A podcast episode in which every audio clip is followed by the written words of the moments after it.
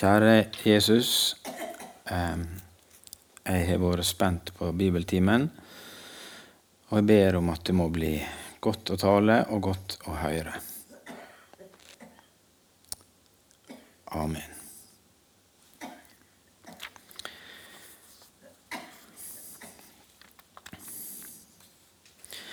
Jeg syns på en måte det er, det er vanskelig å, å snakke om bønn. Bare snakke og snakke om det, for det har vært snakka så mye om bønn. Så må lure på, Blir det bedt så mye som det blir snakka? Eh, og så kjenner jeg på det at eh, jeg er så Så lite å vise til i mitt eget liv. Eh, så jeg hadde hatt lyst til at noen annen kunne gjøre det. Så jeg kunne få sitte og høre på. Men nå ble det min tur. Så da prøver jeg det. Så har jeg nå prøvd å lese litt og, og bedt over denne timen. Du skal få vite hva det står hen, eh, men jeg leser det først, og så skal du få vite det etterpå. Så sa han til meg, vær ikke redd, Daniel. For fra den første dagen du vigde hjertet ditt til å vinne innsikt og audmjuke deg for din Gud, har orda dine blitt høyrde. Og på grunn av orda dine er eg komen. Fyrsten over Persariket gjorde motstand mot meg i 21 dager. Da kom Mikael, en av de fremste fyrstene, og hjelpte meg, der jeg ble holden tilbake hos perserkongene. Nå er jeg kommet for å få deg til å forstå hva som skal hende folket ditt i de siste dager. Det står i kapittel 10 i Daniels bok, kapittel 10 fra vers 12. Og Nå kikker vi litt tilbake igjen på denne teksten der. Han Daniel hadde bedt i dagvis. Han hadde bedt i 21 dager, står der. Og det står um, tidligere i teksten at eh, han hadde bedt Dette var den 24. dagen i den første måneden. Og Den første måneden i Israel det var når de skifta kalender den gangen de slakta påskelammet. For da fikk de en ny tidsrekning. Eh, så når Daniel her har kommet til veis ende og bønnesvaret kommer, så er det rett etter påske. Han begynte i påska, og så har han kjempa og bedt i tre uker. Og du ser i teksten vår at han har audmjuka seg, står der i bønna si. Eh, I vers 2 i kapittelet står det at på den tida hadde jeg, Daniel, vært i sorg i tre veker. Så da skjønner vi av både det ordet og andre ting som står i Daniels bok, at det er snakk om faste.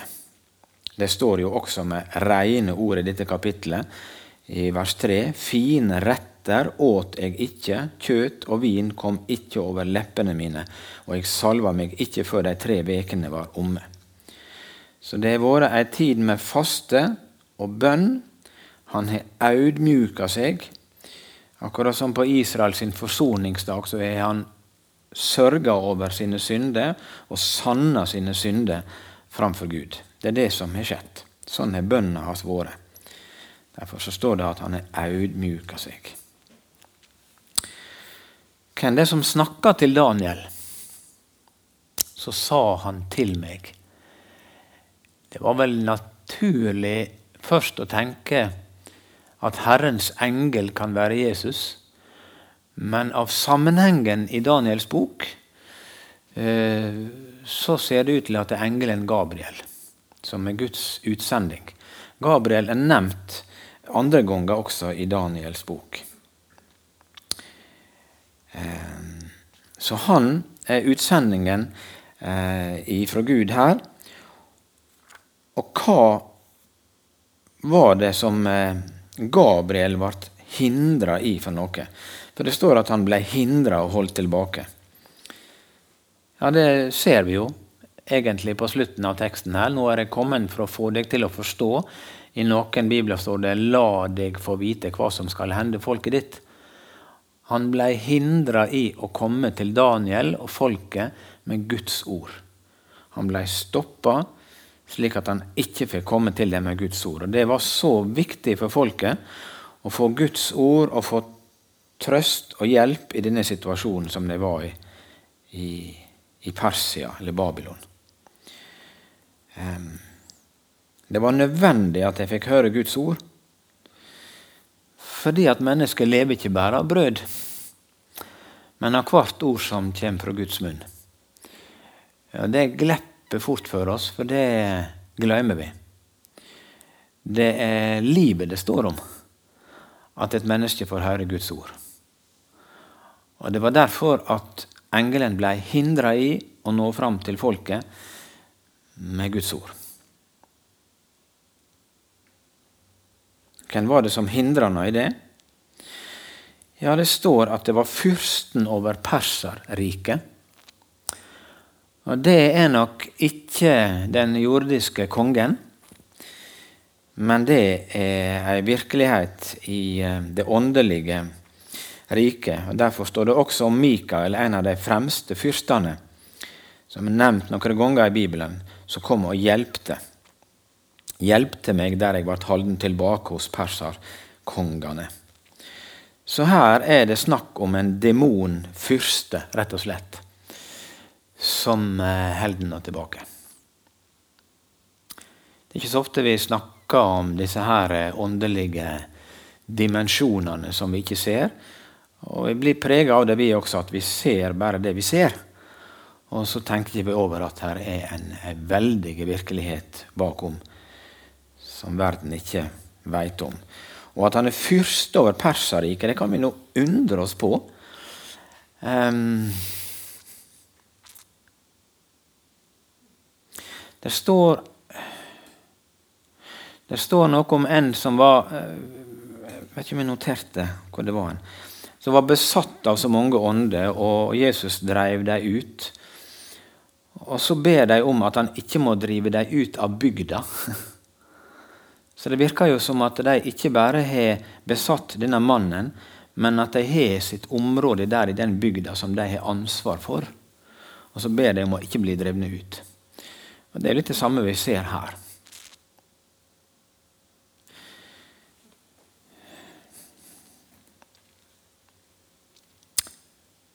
Vi eh, ofte over at Dagsnytt og Dagsrevyen og nettet er fullt av bare negative nyheter. Og Det er mer og mer knivstikking og mer og mer vondskap vi hører om. Men er ikke det slik at når vi hører og sukker over det, så ser vi bare overflata av, av, av, eh, av, den dramatiske og viktige kampen som vi ikke ser med øynene våre? Han, eh, Oddvar Søvik eh, i, i, boka si Skal vi se, det må jeg vise dere. Jeg har ikke kommet så langt i låsene, men jeg har begynt på den litt som heter 'Bønn framfor alt'. Noen som har lest den? Du har lest den. Den er eh, kjempeverdifull. Veldig masse flott. Den er nesten som en oppfølger til Hallesbys bok. Så den kan anbefales. Og han nevner et eksempel eh, på dette vi akkurat har snakka om. Og det eksempelet er Japan. Er ikke det underlig å legge merke til de vekkelsene som har vært i Korea, og hvor det blir lagt kanskje en million nye kristne til hvert år. Mens det i Japan har virka så umulig. Det er åndsmakter som binder på en så voldsom måte. Tenk det at her i Vesten her har vi gjennom utallige år båret båndene våre til dåpen og båret dem til Jesus. I Japan der blir de innvia til fedreåndene, fra de er bitte små. Og det er fedreåndene som blir påkalla ved store anledninger, og det er de som blir påkalla når, når, de går herifra også. Så det er nok ei usynlig makt og dominans som vi ikke uten videre tenker på. Og det må gjerne vekke oss til å tenke på hvor det trengs inderlig bønn eh, i misjonsarbeidet vårt. Eh, at vi kan eh, se og vite det som Daniel så. For han fasta og kjempa og ba. Sørgde over sine egne synder og audmjuka seg. Og så gikk han fram for Gud. Og så ble det svar. For det var ikke det at Gud ikke hadde hørt. Helt ifra begynnelsen, ifra den første dagen, så reagerte Gud. Men så var det en kamp som måtte kjempes. Det hadde nok ikke Daniel full oversikt over på noen måte. Ikke vi heller. Men Gud hadde det. Og Daniels bønn, den eh, hadde virkning. Ja, jeg tenkte jeg skulle bruke litt tid på akkurat dette der. Ehm. På grunn av orda dine er jeg kommen. Er ikke det sterkt skrevet? På grunn av orda dine er jeg kommen. At ei bønn kan være så viktig i Guds plan.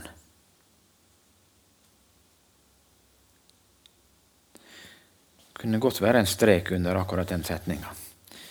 På grunn av orda dine er jeg kommet. Han Oddvar Søvik kaller boka si med tittel ifra dette verset der. Framfor alt legger jeg dykk på hjertet og bærer fram bønn og påkalling, forbønn og takk for alle mennesker. For alle mennesker, det viser nok tilbake til alle disse der, orda der, da. Er det bare en overdrivelse fra Paulus i at han alltid ofte bruker sterke ord? Eller er det akkurat sånn han vil legge Timotius på hjertet? At det er mye som er viktig. Men framfor alt legger jeg dykk på hjertet og bærer fram bønn. Ja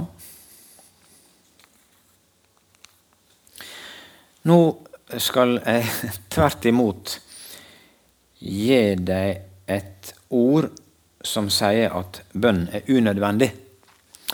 Og det ordet finner jeg i Bibelen. Skal du høre om du syns at det er sånn. Det er Jesaja kapittel 46 og vers 10. Jesaja 46, 10. Et kort, en kort setning. Du får ikke den på skjermen, men du skal høre. Jesaja 46, 10. Min plan står fast. Alt jeg vil, det gjør jeg.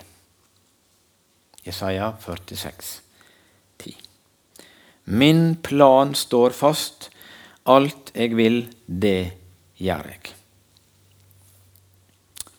Så da er bønn egentlig overflødig.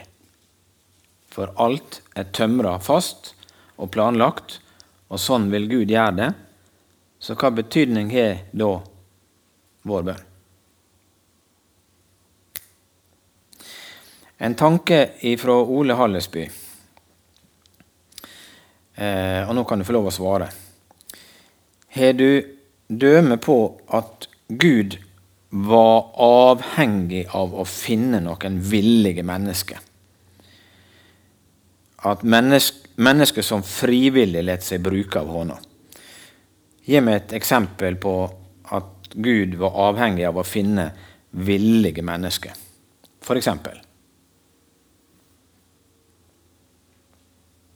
I Bibelen.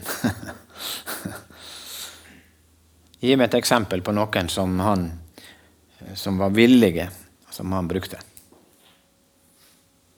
Lag A, lag B. Jonas? Ja? Flere?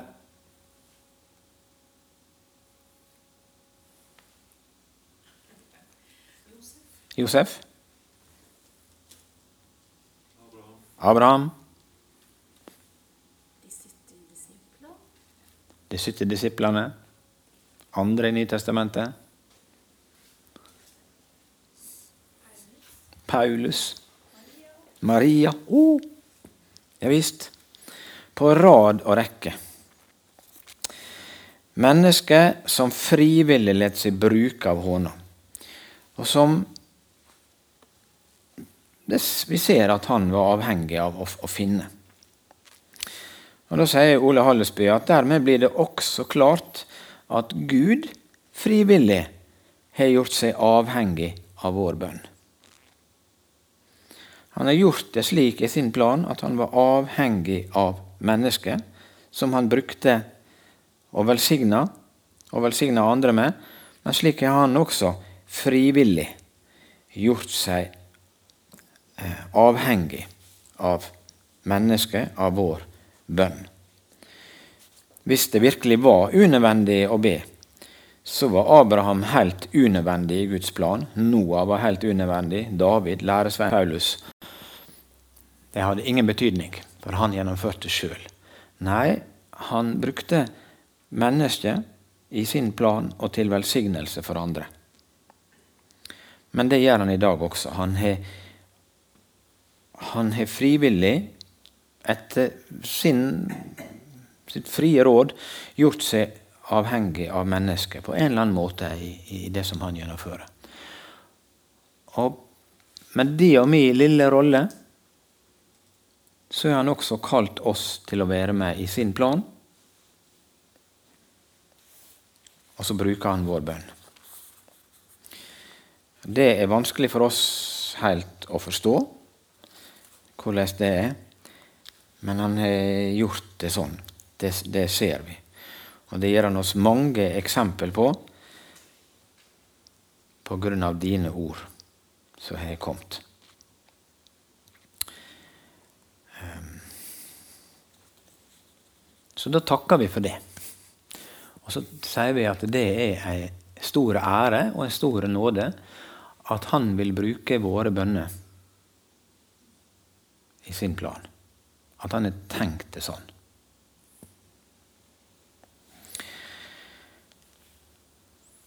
Første Mosebok kapittel 18. Det er en bønnetekst med ei svært frimodig bønn.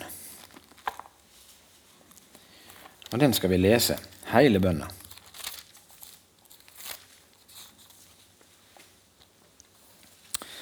Dette gjorde veldig inntrykk på meg når jeg oppdaga det, og jeg har sikkert sagt det til noen til dere også, men eh, det får nå bare ikke hjelpe.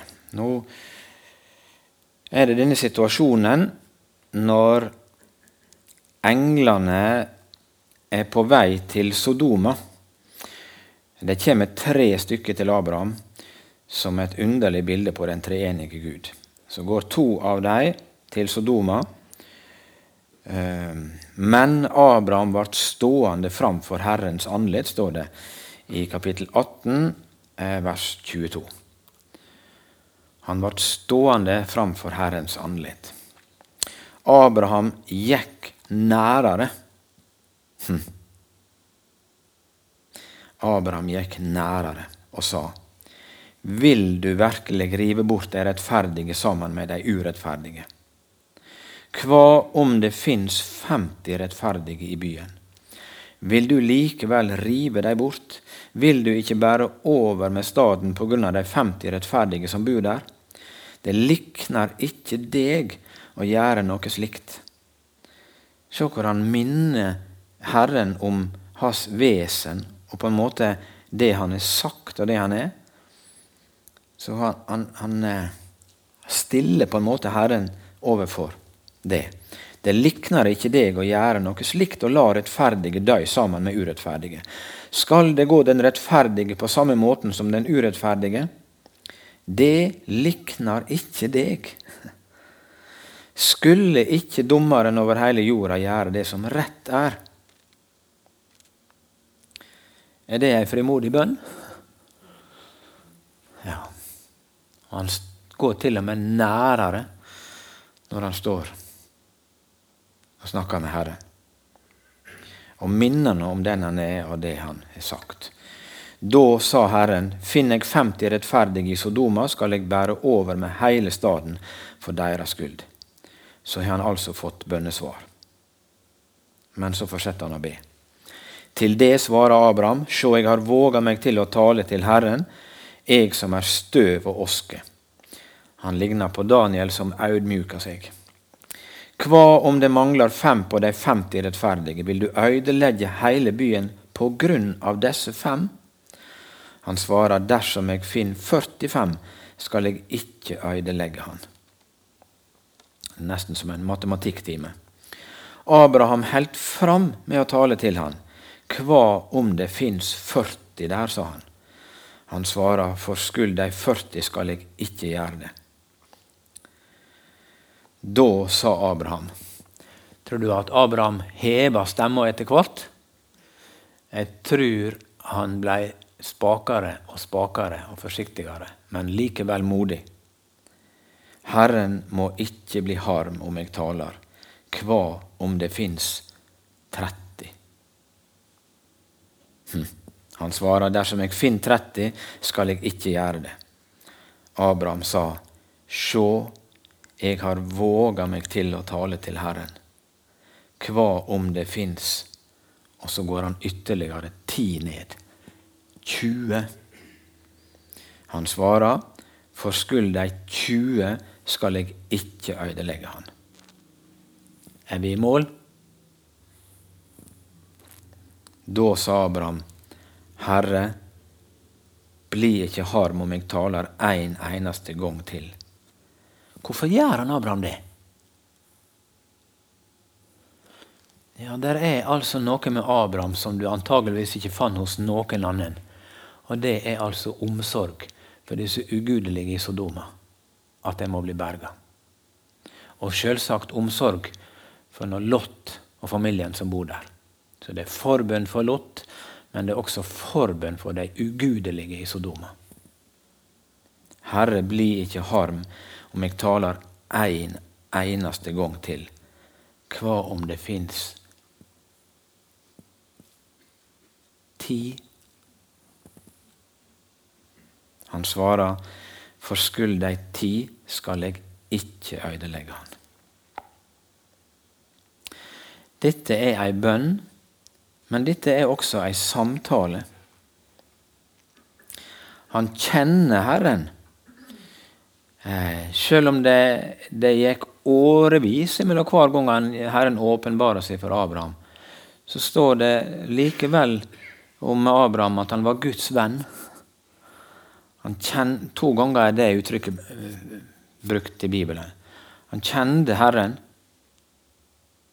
Han hadde erfart Herrens trufasthet. Eh, og så Og så ber han. Tenk på det at Jesus sier det samme til oss. Jeg kaller dere ikke tjenere lenger. Jeg kaller dere venner så kan vi få lov til å komme fram og gå nær, som Abraham gjorde. Ja. Fikk Abraham svar på bønna si? Blei Lot berga? Ja, det ble han. Men det viktigste verset i hele bønna, det er det siste. Da Herren var ferdig med å tale til Abraham, gikk han, og Abraham gikk hjem igjen. Hvis dette hadde vært i din eller min skolestil, så hadde vi selvsagt skrevet da Abraham var ferdig å tale med Herren. Og kanskje du har blitt brukt røde pennen også, hvis du hadde retta og fått det slik. Da Abraham var ferdig. Men det var altså Herren som var ferdig med å tale til Abraham. Når du ba og kjempa og la di uro på Herren, så var det fordi at han først hadde lagt si uro på ditt hjerte. Ellers hadde du aldri bedt. Det hadde ikke Abraham heller, hvis ikke det var Guds uro for synderne i Sodoma og for Lot og hans familie, som han hadde lagt på Abraham sitt hjerte. Så det var egentlig Herren som talte til Abraham. Det kan du ta med deg når du ber, at det er ikke først og fremst du som har noe du vil legge på Herren, men det er noe som Han har lagt på deg. For Han har inderlig kjærlighet til mennesker og til syndere.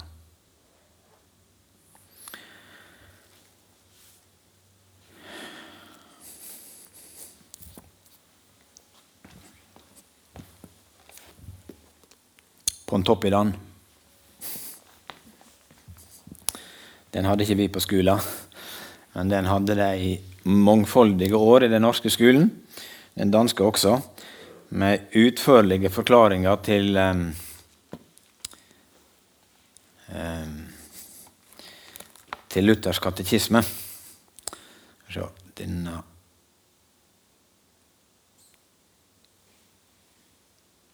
Der. Spørsmål nummer 543 i Pontoppidan. Og må tru de lærte utenat, altså, på skole. Hva er det å be?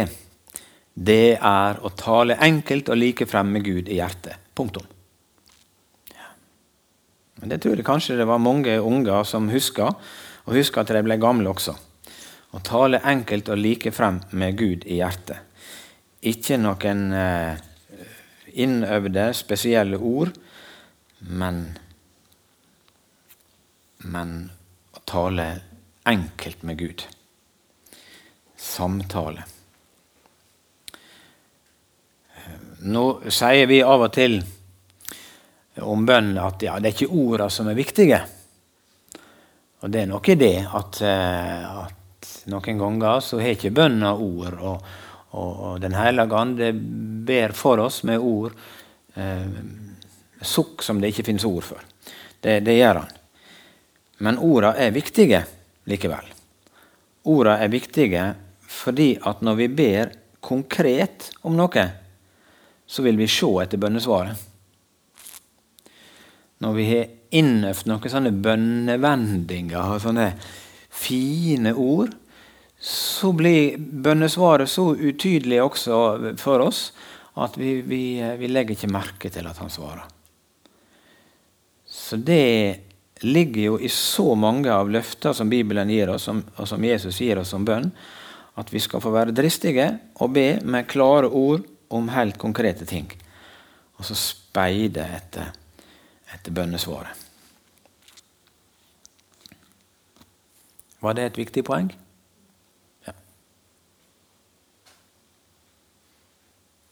Be konkret. Um. Hvorfor ber du? Fordi du er moralsk forplikta og syns at du bør? Ja, det kan hende. Det er ikke så dumt, det. Å tenke på at jeg, at jeg bør. Men um, det er likevel noe som har kjølna når, når bønna er bare en forpliktelse, ikke sant? Men sånn kan jo også et vennskap kjølne. Og slik kan et ekteskap også kjølne.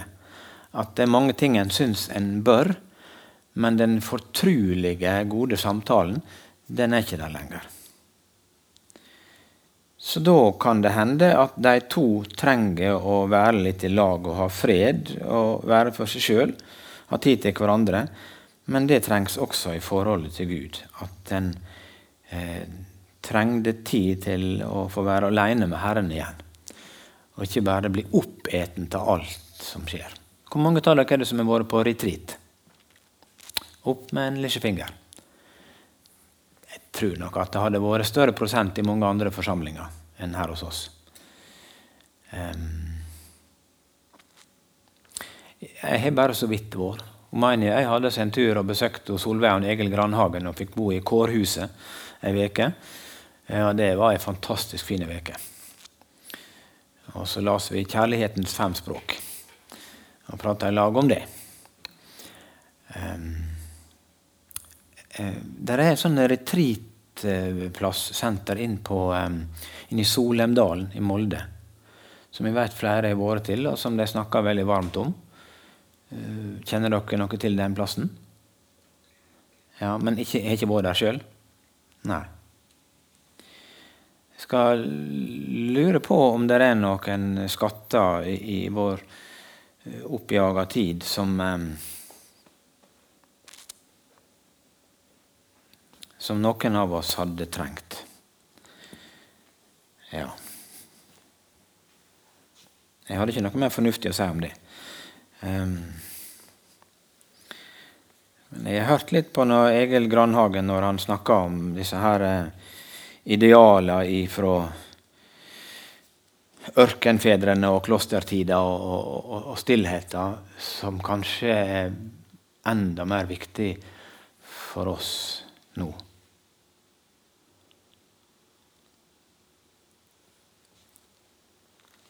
Vi kunne lære igjen det å gå nærmere, slik som han Abraham gjorde. Ehm, et punkt til. Dyrker vi ei mystisk oppleving og er fornøyde når det kjennes godt? Hva jeg mente med det? Ja, det er det at um, Når vi hadde et vellykka bønnemøte at det var sånn en god atmosfære, og det var så fint pynta, og alt, alt var liksom Og, det, og det, det, var så fine bønner og sånn. Ikke sant? Så syns vi at det var bra. Vi er, vi er Det er liksom så dennesidig. Eh, om så Gud ikke var der, så var det noe veldig fint. Men poenget med bønnen var vel ikke bare det at det skulle være en god opplevelse. Jeg skal gi deg en, en, et bilde, en illustrasjon på bønn her.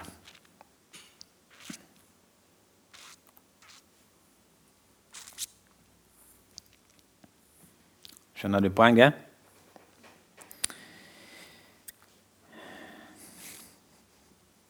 Én. Hva er blikket hen? Han har blikket på Herren. Han har blikket på Herren. To. Han venter seg et helt konkret bønnesvar. Tre. Han er spenn klar når bønnesvaret kommer. da letter han ifra gulvet. Det er noe med det at vi, vi, vi er ute etter den gode stemninga, den gode opplevelsen eh, og, og sånn. Men det viktige var vel å ha blikket på Herren og en forventning til at han skulle gripe inn. Ikke at vi bare fikk sagt noen fine ord, men at vi i fellesskap kunne få vente på Herren og være spenn klar når bønnesvaret kommer. For han har sagt at han vil svare. Det er ikke sikkert at Herren hans gadd å svare, for han var så trøtt at han kom til arbeid at han gikk bare og la seg på sofaen. Men eh, vi har en Herre som ikke blunder. Eh, skal vi se et punkt til. Gud arbeider i hjertet, bruker vi å si. Og det er rett. Og det er jammen godt at han har sin stille gjerning med mennesket, eh, som vi ber for. Men han arbeider vel ikke bare i det stille og der i hjertet. Han er vel også en Gud som, eh, som kan svare konkret med tegn og med under som blir et, et, et, tegn som blir lagt merke til, og som kan kalle folk til Jesus. Det er fort gjort at vi, eh, at vi åndeliggjør og, og, og, og kamuflerer eh, ting, og så ikke forventer at han kan gripe inn, så det blir synlig for alle at Jesus lever. Massevis av eksempel på det i apostelgjerningene og i Det nye testamentet ellers. Noen bibelvers. Ehm, be, så skal de få. Leit, så skal de finne. Bank på, så skal det latast opp for dykk. For hver den som ber, han får, og den som leiter, han finner, og den som banker på, skal det latast opp for. Det er ikke noe småskrift nederst. Eller noe sånn 'hvis'. Eller noe sånt. Det er noe med disse her bønnelovnadene i, i, i Nytestamentet som er, står der så dristige og ubeskytta på en måte at en kunne ikke en kunne, tro, en kunne ikke våge å legge fram noe sånt. For folk vil jo styrte til å gripe muligheter med en eneste gang. Ja. Men det står. Og det er Jesus har sagt det. Jeg har tenkt om dette der, denne lovnaden der, at det er en sånn tretrinns. At først så er det B, så skal du få.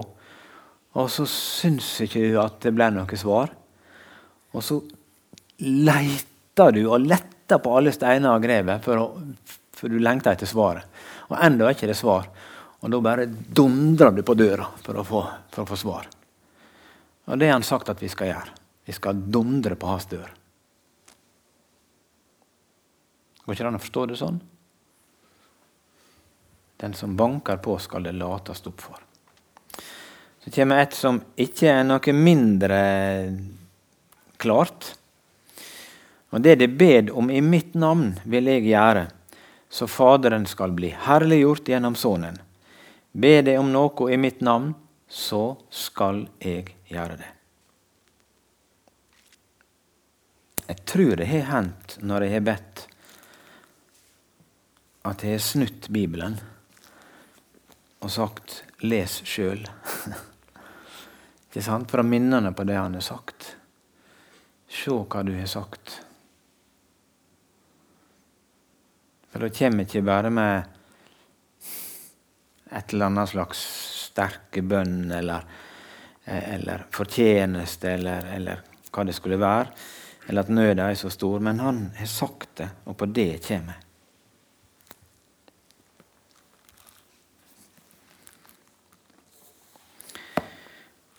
Vise til den han er, og det han har sagt, sånn som Abraham gjorde.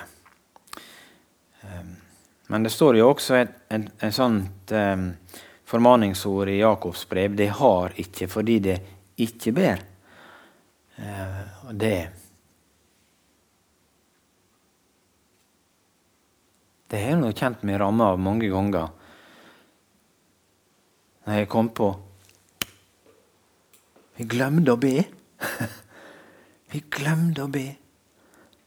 Men han er jo omsorg for det også. Han, han, han veit hvor det er. Ofte så fikk vi likevel.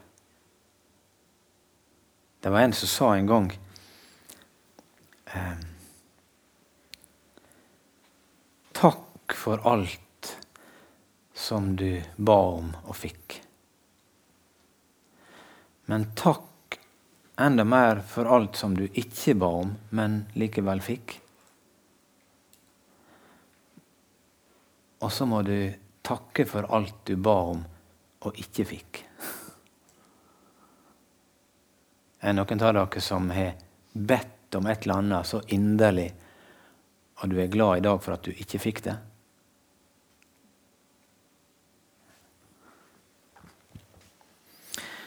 De ber, men får ikke fordi de ber gale. De vil sløse det bort i nyting.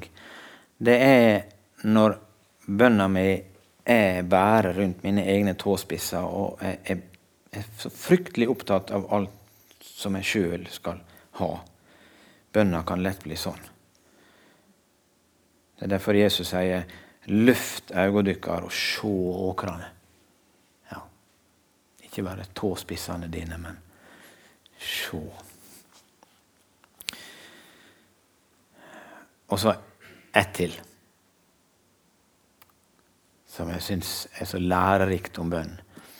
2. Korinterbrev 1. Også det må komme oss til hjelp i bønn. Tenk det, sier apostelen Paulus. Også det må komme oss til hjelp i bønn. Det var mye som var skakt med korintermenigheten, men det sier han til dem. Når mange ber, vil takka for den nådige hjelp vi får, stige opp fra mange munner. Når mange ber Det er jo av og til det at det blir sendt rundt sånne meldinger på Facebook og SMS. sånn, Slår bønnering ikke sant, i en situasjon, og mange med og ber. Er det fordi at, eh, at effekten øker proporsjonalt med antall som ber? Nei, det er vel heller det at Jesus har sagt det vi blir enige å be om. Og så Av den grunn så går vi i lag og ber. Men her sier altså han Paulus og ordet til oss når mange ber, vil takka for den nådige hjelp vi får, stige opp fra mange munner. Så da får Gud ære for bønnesvaret. Så det er en av effektene med at vi blir enige om å be om noe. At vi holder hverandre ansvarlig, slik at når bønnesvaret kom, så kunne ikke vi snakke oss bort. Det er ofte slik når vi ber alene og du får bønnesvar, så tenker du Det hadde vel kanskje skjedd likevel. det hadde kanskje skjedd likevel. Men når vi fikk be om noe i lag, og bønnesvaret kom, så ansvarliggjorde vi hverandre, og så stiger det opp takk fra mange munner. Og så får Gud ære. Han som skal ha ære. Dette syns jeg er et flott eh, bønneord. Dette der. Den gangen når Satan frester Jesus og ber han å kaste seg ut på tempelmuren i Matteus 4 f.eks., så sier, så sier Jesus til ham du skal ikke sette Herren din Gud på prøve. For Satan viser jo til det verset at englene skal komme og bære deg på hendene. Du skal ikke sette Herren din Gud på prøve, sier han til ham. Og det skal vi ikke gjøre. Det er eksempel i Bibelen på at mennesker setter Gud på prøve. Men det må ikke være ei åndelig grunngjeving for oss til å ikke be om konkrete ting er at vi liksom vi, vi bruker så runde ord at, eh, at, det er ikke råd å få øye på noe bønnesvar. Men noen ganger så kunne en lure på om vi, om vi ber litt uklare åndelige bønner fordi at vi frykter å oppdage at det ikke fins noen Gud. At, at vi, vi tårer ikke å be tydelig for da vil det jo bli så tydelig når det ikke blir svar. Men han har jo oppfordra oss til å be tydelig. Det er ikke å sette Gud på prøve å be konkret om hjelp og svar. Ja. Denne tror jeg jeg har hatt med meg på misjonssalen en gang før. Dette er han Rosenius, som gir tre haldepunkt for bønn som er lett å huske utenat. Det første Gud er allmektig. Og det er et så sikkert holdepunkt når vi ber. For Hvis han var bare slik som du og jeg, så kunne han vel hjelpe oss med et og annet. Men når vi, når vi ruster oss med den tanken at det er ingenting som er umulig for han, at han er allmektig, da åpner jo det noen veldige muligheter for bønner. Og det andre Gud har bedt oss å be. Det er ikke slik i religionene. Det er slik i Bibelen. Jeg ser for meg et bilde en plass inn på PC-en der av et, et, eldre par i et shinto-tempel i Japan som står der framfor et alter og ber og brenner røykelsespinner. Og Da har de altså dratt i et av disse tjukke taua og ringt med ei klokke opp under tempeltaket. Hvorfor det? For å vekke åndene og gudene slik at de skal høre. For Det fins ingen løfte om bønnesvar. Det er ingen som har lova noen ting. Men de håper at det kan skje, og så må de vekke gudene. I Bibelen er det motsatt. Der kommer vi fordi at han var først og ba oss om å be. Lovnadene hans kommer først. Så vi kommer opp på hans fang fordi det var han som ba oss om å komme. Og Det også er et veldig haldepunkt når jeg ber, at det var ikke min idé, men det er han som har bedt meg om å komme. Og så det tredje. Mulig det skulle ha vært nummer én. Jesus, vår verdighet. Om jeg kommer på min aller beste dag og, og, og, jeg, og ber til Gud og liksom føler at jeg løfter veldig fordi at i dag har jeg fått til å være en kristen og har liksom så mange gode følelser. Aldri kunne jeg være verdt noe framfor Gud hvis det skulle være pga. mitt eget liv. Men Jesus er helt og fullt min verdighet på min beste og min dårligste dag. Og med det kan jeg med frimodighet komme helt framfor truna. Jesus er vår verdighet. Jeg skal klare å huske utenat. På nynorsk eller på svensk så heter det bøn. En transparent jeg lagde med en gang. Men hvis du tar deg en tur rundt og går på andre sida, og, og, ser ifra den andre sida, så å si innsida av bønna, så står ikke der bønn lenger, men nød. Og Det er i grunnen hemmeligheten ofte med bønn. At han legger på oss en nød, og så våkner bønna. Eh, og Det kan være en nød i mitt liv, eller en nød for mine nærmeste. Men kanskje et enda større under er det at han legger nød på oss for mennesker i andre deler av verden som vi ikke har sett. At jeg må få høre om Jesus og bli frelst. Eh, det er nød som skaper bønn, og den nøda skaper Gud. For det er Guds nød som blir lagt inn i vårt hjerte, akkurat som med Abraham. Lenge siden har dere vært på et bønnemøte på kne. Den eneste bønnestillinga som ikke er nevnt i Bibelen, det er å folde hendene. Det står det ingenting om, men det står veldig mye om å bøye kne. Den gangen når eh, Paulus kom hjem fra tredje misjonsreise, eh, så hadde ikke han tid å fare innom Efesos. Han sendte beskjed til de eldste der at de måtte komme ut og møte noe en plass heter Milet. Og så står det når de skiller lag i slutten på apostelgjerningene 20. Da han hadde sagt dette, bøygde han kne sammen med de alle og bad. Da brast de alle i gråt, og de falt Paulus om halsen og kysste han.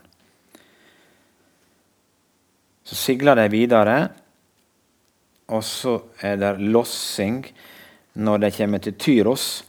Så der går de i land og er der ei ukes tid og leter opp de kristne der. Og Når de da skal fare videre, så står det at alle følgde oss ut av byen med koner og barn.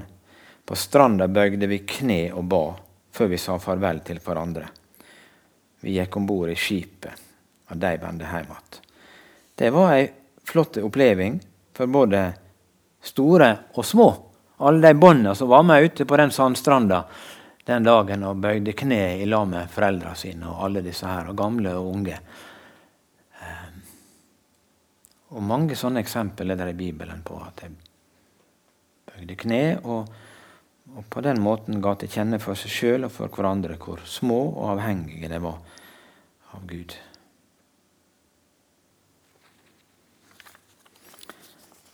Når Israel var på vandring fra Egypt, så fikk de det første angrepet. Det var amalekittene som bodde lenger nord i ørkenen, men hadde oppdaga dem og kom sør for å stanse dem før de kom for langt. Og Så gikk det til angrep på de bakerste, de svake og sjuke og gamle i flokken, og hogg ned folk.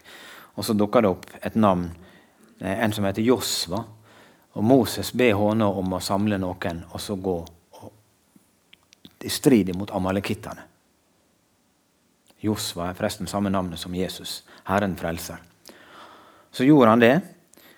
Hva gjorde Moses når Josva gikk til strid mot amalekittene? Lag A. Hva gjorde han Moses da? Da Husker dere det? Husker dere det? Ja, han gikk opp på et fjell og hadde oversikt, antageligvis. Og så ba han til Gud. Ikke på kne, ikke med folde hender, men nemlig. Han ba sånn. Og så var det strid ute på sletta. Og så lenge han klarte å løfte hendene, så var det seier. Og så ble han trøtt, og hendene seig, og så ble det tap. Hvem det var han hadde med seg? Riktig. Riktig. Han hadde med seg han Aron og en anonym fyr som vi ikke hører så mye om, som heter Hur. Og så finner de en stein som han får sette seg på, og så går jeg bort og så holder jeg hendene hans opp. Helt til sola gikk ned, og så seirer de over amalekittene. Og Det er altså et så nydelig bilde av et bønnemøte. Når eh, den ene ble trøtt av å be, så hjelpte de hverandre å be. Og Det er akkurat slik til alle tider at det går an å bli trøtt av å be, men det går an å hjelpe hverandre. Komme i lag og be, eller, eller si at 'jeg skal huske på å be', jeg også. Så bønnemøte det har vi forbilde av i, i Bibelen. Og Så lærer denne hendinga oss at det var to ting som skjedde. Det ene var bønn, og det andre var arbeid. Og Når en gjør begge deler, så er det som å ro med to årer. Da eh, blir det framdrift. Så Begge deler var nødvendig, men uten bønn så hadde det ikke blitt seier. Og det er veldig aktuelt i misjonen også. Når læresvennene sporer 'lær oss å be', så lærte han denne bønna der. Tenker vi på at det, at det har noen betydning å be den, eller er det bare en programpost? Vi bruker det jo på møter. Um, men er, der, er det meninga at Gud skal svare på det? Er det slik at når noen ber vår Far i himmelen, at da blir det hørt, og så svarer Gud på det? Det tenkte jeg med meg sjøl at der er det kanskje gloppet litt for meg. For jeg som tenker at vi ber det i kor, og så har vi bedt. Men han lærte, hvis han lærte oss å be sånn, så måtte det jo være fordi at når det blir bedt, så vil Gud svare på det. Så da avslutter vi bibeltimen med å be den i lag. Vår Far i himmelen. Lat navnet ditt helgast, lat riket ditt komme, Lat viljen din råda på jorda slik som i himmelen. Gjev oss i dag vårt daglige brød, og tilgjev oss vår skuld, slik vi òg tilgjev våre skyldnere. Og lat oss ikke komme i freisting, men frels oss fra det vonde. For riket er ditt, og makta og æra i all eve. Amen.